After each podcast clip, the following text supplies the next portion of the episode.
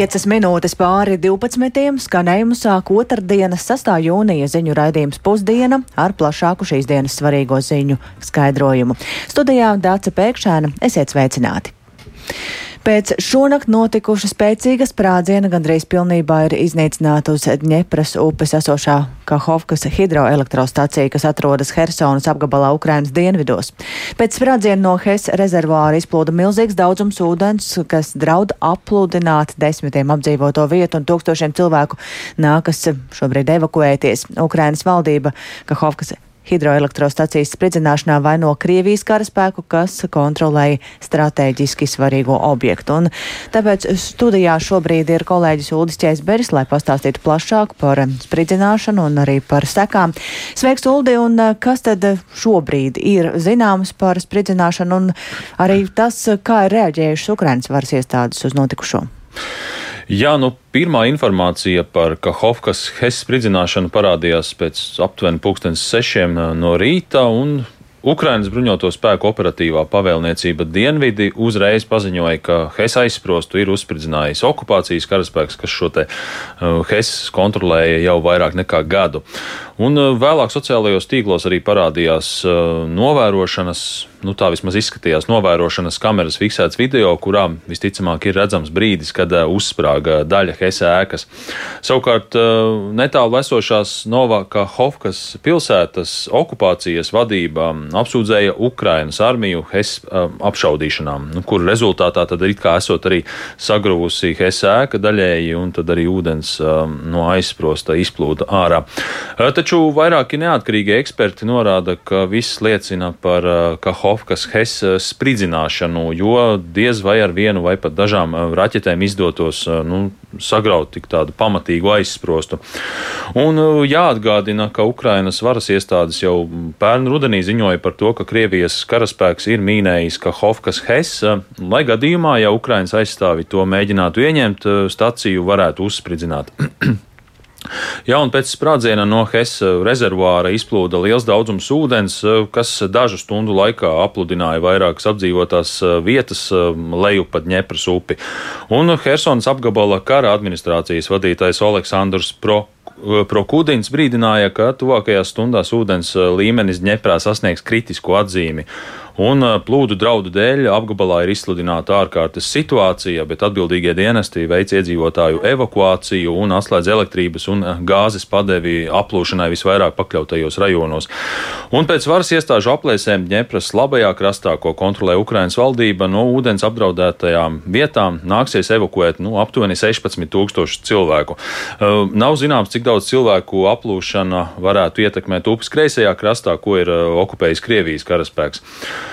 Un uh, jāpēc, ka Hofkas Hess uh, uzspridzināšanas nopietnas bažas ir arī par uh, Zaporīžas atomelektrostācijas drošību, jo ka Hofkas Hess rezervuārs nodrošina ūdens piegādi Zaporīžas atomelektrostācijas dzēsēšanas sistēmai.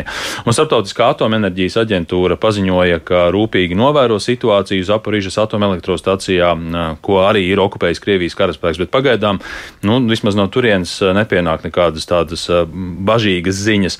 Un, jā, Ukrainas prezidents Volodimirs Zelenskis pēc notikušā ir apsūdzējis Krieviju kārtējā terora aktā un kara nozīgumā, un viņš šorīt arī sasauca Ukrainas drošības un aizsardzības padomis ārkārtas sanāksmi. Noteikti izskan arī kaut kādi jau minējumi, kāpēc Krievijai tas varētu būt bijis svarīgi, kāpēc Krievija ir uzspridzinājusi hidroelektrostaciju. Jā, nu, jau ilgāku laiku tiek runāts par to, ka Ukrainas armija, nu, kuru katru brīdi varētu uzsākt plaša mērogā uh, pretuzbrukuma operāciju ar mērķi atgūt Krievijas okupētās teritorijas. Un uh, tad viens no potenciālajiem šīs ofensīvas virzieniem varētu būt arī Dņepras upes uh, kreisais krasts Hersonas apgabalā. Un mēs atceramies, ka pagājušā gada nogalē Ukraiņiem Hersonas apgabalā izdevās atkarot teritorijas, kas atrodas Dņepras labajā krastā, taču kreiso krastu jā, joprojām kontrolē iebrucēji no Krievijas. Un, nu, tāpēc visticamākais iemesls uh, arī varētu būt. Uh, nu, šis, šis varētu būt ticamākais iemesls, kāpēc ka Hofkas Hess tika uzspridzināts, jo mm, Krievi baidās, ka Ukraiņi varētu mēģināt tātad ieņemt ņepras kreiso krastu. Un te varam paklausīties arī Ukraiņu militārā eksperta Oleksija Getmana komentāru. Они ожидают наших наступлений именно в районе Херсона, что мы будем форсировать э, речку Днепр. Viņi sagaida mūsu uzbrukumus tieši Helsonas rajonā. Viņi domā, ka mēs forsēsim Dņepras upi, tāpēc uzspridzinot hidroelektrostaciju, Krievi cer aizkavēt vai padarīt neiespējamu mūsu ofensīvu tajā vietā, kur mēs varētu uzbrukt. Es domāju, ka viņi pārdega no savām iekšējām bailēm, gaidot mūsu iespējamos uzbrukumus. Vienkāršiem vārdiem sakot, viņi sapsihojās. Visticamāk, ka notikušais neapturēs mūsu bruņotos spēkus. Arī ūdens līmenis diezgan strauji nokritīs, tāpēc es nesaprotu, kāpēc to vajadzēja darīt.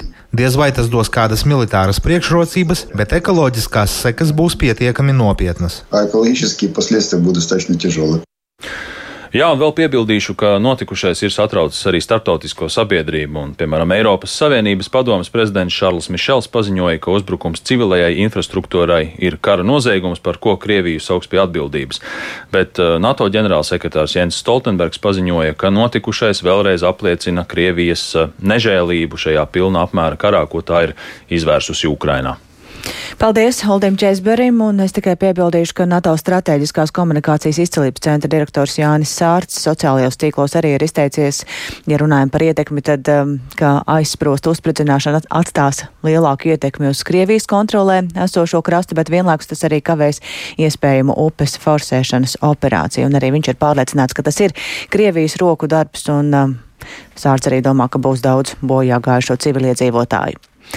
Bet karš Ukrainā ir vēl vairāk sācinājis arī kādu problēmu pie mums Krievijas pierobežā, ņemot vērā Ukrainas bēgļu plūsmu un arī to, ka šobrīd daudzi no Moldovas dodas caur Latviju uz sezonas darbiem Krievijā, vēl sarežģītāka situācija ir kļuvusi ar gadiem neatrisināto problēmu un piemēslotām ceļmalām aiz Krāslavas līdz Grebņevas robežu kontrolas punktam. Lai šķērsotu robežu, cilvēki gaida pat vairākas diennaktis un atkritumu kalni ceļmalās un pie pašas robežas turpina augt. Un dažas uzstādītās atkritumu tvērtnes un biotolots pro problēmu šobrīd nerisina, un Lūdzes novada pašvaldība ir vērsusies pie vairākām atbildīgajām iestādēm, taču situācijas uzlabošanos tā arī nav sagaidījusi. Un par to vairāk vaicāsim kolēģē Laurai Ieviņai, kura šobrīd ir pievienojusies mums no Latgales studijas. Sveika, Laura! Um, jā, es saprotu, Jā. ka mēģinājumi kaut kā risināt šo ir bijuši, bet um, nu, līdz šim nesakmīgi. Uh, jā, Dārsa, tā ir. Uh, labdien, klausītāji! Jāsaka, ka arī es vakar biju aizbraukusi uz Gredņemas robežu kontrolas punktu, lai pati apskatītos, kāda ir situācija uz vietas. Ja runājam par mašīnu rindu, tad tobrīd tā bija aptuveni vienu kilometru gara, kas ir salīdzinoši neliela. Citreiz ir bijis nu, tiešām vairākus kilometrus gara, pat līdz Krāslavas robežai atvainojos. Mazāk bija smago automašīnu, vairāk robežu šķērsot gaidīja vieglās automašīnas un arī autobusi ar pasažieriem. Jā, kā, kā jau minēju, tad lielāko cilvēku plūsmu Uh, rada Ukrainas kara bēgļi. Un šobrīd uh, viņa robežu šķērso abos virzienos. Joprojām ir uh, tādi, kas uh, bēg uz Eiropu no karaskartajām teritorijām, un tikpat daudz uh, ir aptuveni tādu, kas jau no Eiropas uh, caur Krieviju grib atgriezties mājās uh, uz Ukrainas Eh, nu, tagad jāsaka jau Krievijas okupētajām teritorijām. Un, protams, eh, jā, bija daudz arī tādu cilvēku, kas no Moldovas, eh, kā man stāstīja, brauc uz sezonas darbiem uz Krieviju. Pirmo miskastu ieraudzīja aptuveni divus, divus kilometrus no robežas, un Latvijas valsts ceļi man informēja, ka kopumā viņš esot izvietojis šī četras pārvietojamas uh, miskastes uh, un arī četras toaletes. Uh, savukārt uh, posmu no pašas robežas aptuveni 760 metru garumā apsaimnieko valsts nekustamie īpašumi. Uh, viņi man uzrakstīja, ka viņi ir izvietojuši deviņus konteinerus un viņi tos izved reizi nedēļā. Nu, tas, ka tas joprojām ir nepietiekami, ka konteineru ir par maz, ka viņi ir tak tālu viens no otra, par to liecināja joprojām daudzās lielās atkritumu kaudzes ceļmalās. Un īpaši nepatīkams skats man likās pie pašas Grebņevas uh, robežas. Tur, uh, tur ir izvietots uh, biedrības Tavi draugi palīdzības sniegšanas punkts, un tur, uh, tur pulcējas arī gana daudz ukraiņu. Un tobrīd, kad es tur biju, tur bija tādas divas, uh, divi miskastes konteineri. Viņi bija pārpildīti, un, un atkritumu kaudzes bija arī visapkārt uh, atkritumu tvertnēm. Turpat uh, bija arī Ukrainas bēgļu somas, uh, vairāki desmiti somu. Turpat arī uh, paši ukraiņi sēdēja, ēda, atpūtās. Nu, viņi nebija īpaši runātīgi, bet nu, kāda sieviete man atzina, nu, ka tas ir gana necilvēcīgi, ka tā smaka esot neizturama, ka viņi tur uz robežas gaida jau otro diennakti un, un ka viņi līdz šim šķērsojuši vairāku valstu robežas, nu, ka tāda nekārtība ir vērojama tikai pie mums Latvijā. Biju piegājis arī klāt pie kāda Moldovu vīrieša. Viņš pie savas vieglās automašīnas bija izvilcis streci, tā atpūtās, un turpat netālu ceļmalā bija tāda liela atkritumu kaudze. Nu, protams, viņš atzina, ka viņš to ir pamanījis, ka smaku viņš jūt, un viņš tā mazliet ironizējot, smiedamies, teica, nu, ka žurku vēl tikai pieņemot, un tad jau ekoloģiskā katastrofa varētu sākties. Uh, Tagad uh, paklausīsimies, kā esošo situāciju Greviņevas robežu kontrolas punktā raksturo biedrības tavi draugi brīvprātīgā Inese Ziemane Kičenko. Cilvēki dažādi. Lielākā daļa patiesībā ir ukrāņieši, kuri brauc atpakaļ. Trīs diennaktis pie mums dzīvo. Viņiem pat nav kur īsti apsēsties. Nu, vismaz simt cilvēku pa visurieni staigā un kaut kur viņam jāapsēžās, kaut kur jāizmet viskur. Jo tie konteineri, kas mums divi konteineri, viņi tiek piepildīti nu, divās diennaktīs un iztukšo vienreiz nedēļā un otrdienās. Bet kur lai piecas dienas visu to vēl liek? Kur? Krūmas vienkārši met vai atstāja pie konteineriem, vienkārši pie mašīnām un aizbrauc. Mēs no rīta pamostamies. Pirmais mums ir maisa, maisa slīkstam atkritumos. Kā ir ar toaletēm? Vienu dienu iztīri, otrā dienā tev šķiet, vai tiešām te mēnesis nav tīrīts. Šausmīgi. Tolets jau īstenībā ir maz. Tā ir plūsmai, kas mums ir, un tik ātri tiek uh, piepildītas. Un tagad jau iet pie krūmiņiem, aiztolets, visur, kur pagadās. Maiņā esam divi tām. Bet ja vienam visu laiku ir jātīra atkritumi un toletes, pa kur laiku mēs ar cilvēkiem runājamies, kas būtu galvenais, kas mums būtu jādara, jāpalīdz cilvēkiem, nevis jātīra atkritumi. Uh, jā, runājot ar Lūdzes novada domas priekšsēdētāju vietnieci Ināru Silicki, uh, Silicko, viņa man pastāstīja, ka jau gadiem ar šo problēmu uh, vēršas atbildīgajās ministrijās, kompetentajās institūcijās, taču nu, risinājumu tā arī nav sagaidījusi. Problēma joprojām ir, un viņa uzskata, ka tā ir vienkārši institūciju neieinteresētība, jo viņas prāt situāciju varētu situācijas risināšanai nemaz tik liels finansiāls ieguldījums nav nepieciešams. Uh, savukārt Latvijas valsts ceļi man šodien uzrakstīja, ka no 4. jūlija viņam stāsies spēkā jauns līgums par atkritumu konteineru apsaimniekošanu, arī par biotolešu uzturēšanu un ceļ, ceļmalu sakopšanu. Un viņi saka, ka šis līgums ļaušot daudz elastīgāk pasūtīt uh, uh, darbus. Uh, un kā, skatīties, kāda ir situācija un tam atbilstoši arī rīkoties. Nu, jāatzīmē, ka šobrīd tā kritiskākā situācija ir tieši valsts nekustamo īpašumu apsaimniekotajā zonā, pašā, pašā robežjoslā. Bet viņi gan man rakstīja, ka viņi saprot, ka problēma ar tīrību ir, bet ka viņu iespējas uzlabot esošo situāciju ir jā, ka, ka tās esot ierobežotas un nu, tā, tā tad nesolīja drīza situācijas uzlabošanos. Uh, Latvijas valsts cīņa gan uzskata, ka mm, situācijas uzlabošanā vairāk būtu jāiesaistās pašai pašvaldībai, jo viņu kompetencē esot vairāk ceļu tehniskais stāvoklis, ne, ne, nevis tolites, dušas, atkrituma urnas Un tāpat viņi saka, ka jādomā par speciālu stāvlaukumu ar atbilstošu infrastruktūru izveidi. Un pašvaldībā gan man norādīja, ka tas nesot viņu īpašums, ka viņi svešā īpašumā neko nevar darīt, uh, bet viņi jau agrāk ir vērstušies un teikuši, ka šo funkciju, tātad tīrības kārtības uzturēšana pierobežā, ka viņi ir pārņemti un, protams, ar atbilstošu finansējumu, bet nu, nekādas darbības tālākas nav sekojušas. Dace? Jā, paldies Laurai Ieviņai par ziņām no Krievijas pierobežas. Tātad dzirdējām, ka visi viens ot, vien, nover, no, nover, noveļ vainu viens uz otru, un par to plašāk noteikti arī runāsim raidījumā pēcpusdiena, bet pagaidām izskatās, ka mēģinājumi problēmu risināt ir, bet pagaidām bez būtiskiem pavērsieniem. Un būtisku pavērsienu nav arī sarunās par iespējamām izmaiņām koalīcijā.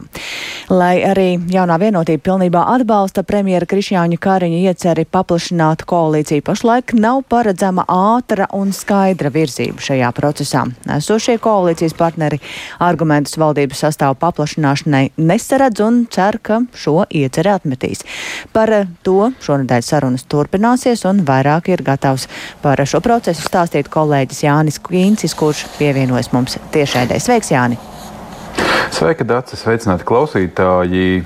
Atgādināšu, ka sarunas par ieceri paplašināt koalīciju ar Zaļo un Zemnieku savienību un progresīvajiem premjeras Krišjāns Kariņš no jaunās vienotības pieteica uzreiz pēc Edgara Rinkēviča ievēlēšanas valsts prezidenta amatā.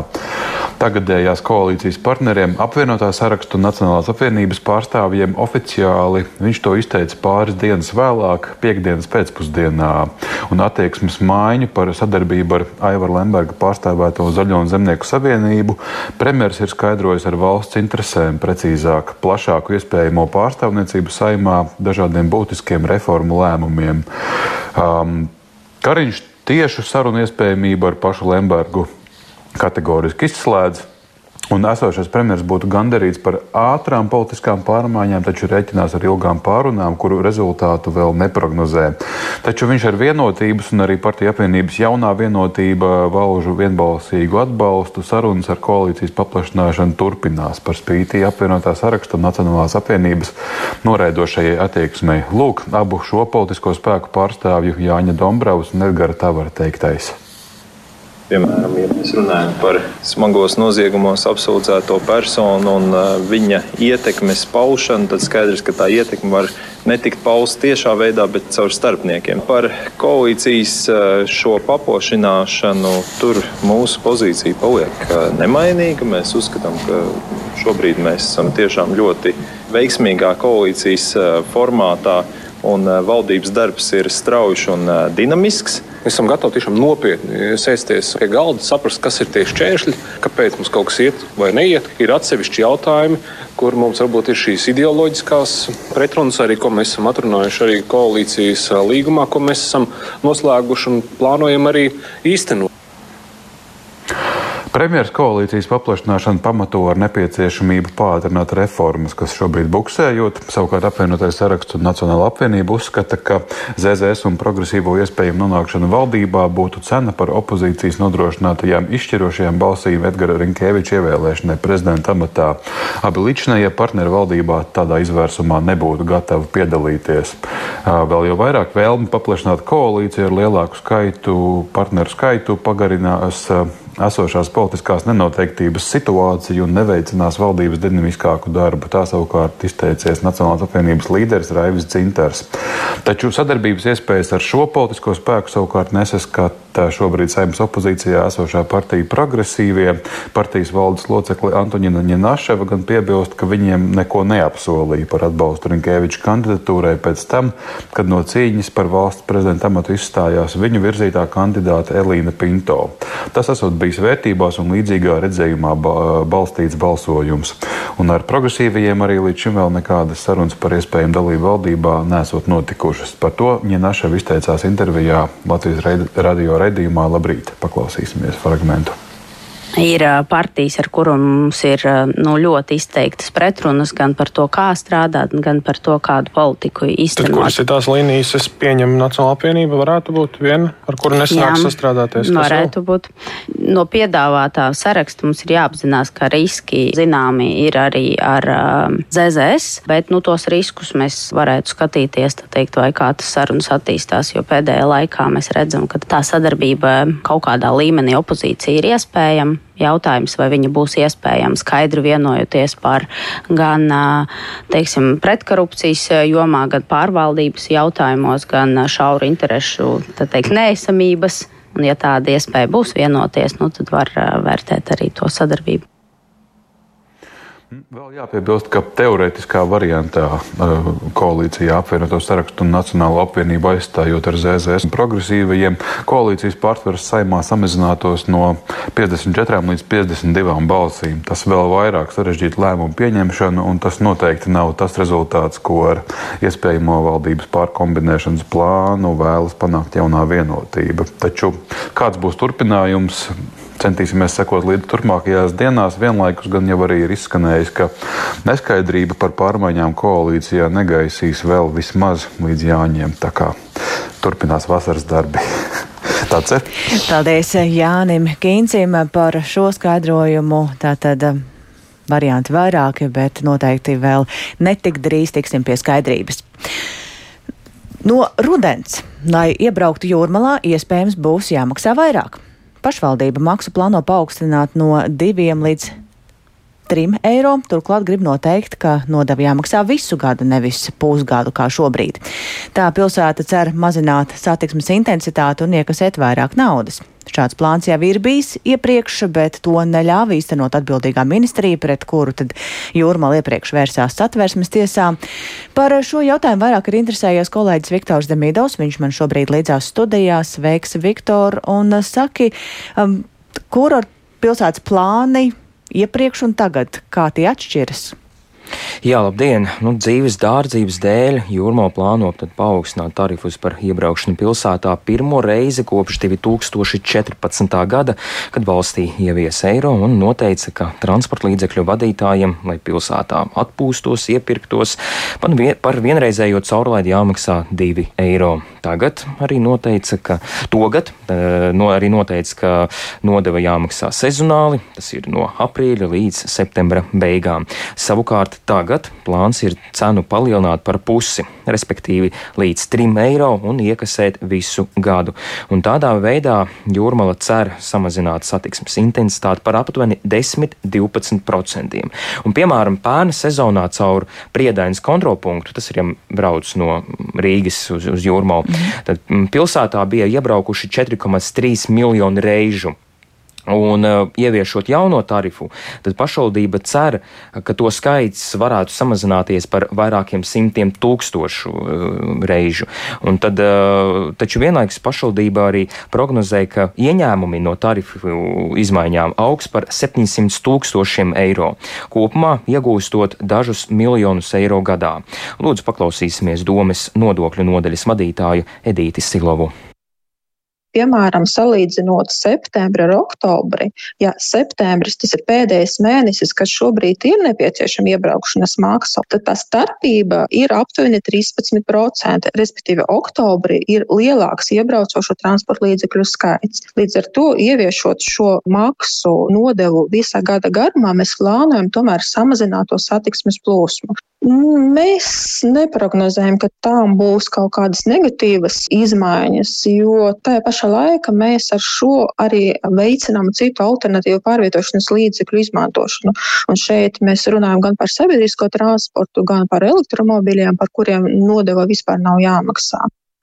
Lūgu dzirdējām domes pārstāvi Hedīti Silovu, bet ja turpinām runāt par tarifu izmaiņām, tad tas jau ir otrs pašvaldības mēģinājums to ieviest, un iepriekšējo tad, mēģinājumu uh, bijušais vides aizsardzības un reģionālās attīstības ministrs Artūrs Toms Plešs no attīstībai pār apturēja, secinot, ka pašvaldība nav izvērtējusi nodevas apmēra samērīgumu, un ministrija arī norādīja, ka pašvaldība ir pārsniegusi tai normatīvos normatīvajos aktos piešķirto deleģējumu un nav mm, veikusi konsultācijas ar privātpersonām. Uh, Jūrmala pret to mm, vērsās atversmes tiesā, kas lietu izskatīs 12. septembrī. Nu, attiecīgi par to, kuram tad īsti bijusi taisnība, sabiedrība mm, būs informēta nu, 1. oktobrī tā varētu būt.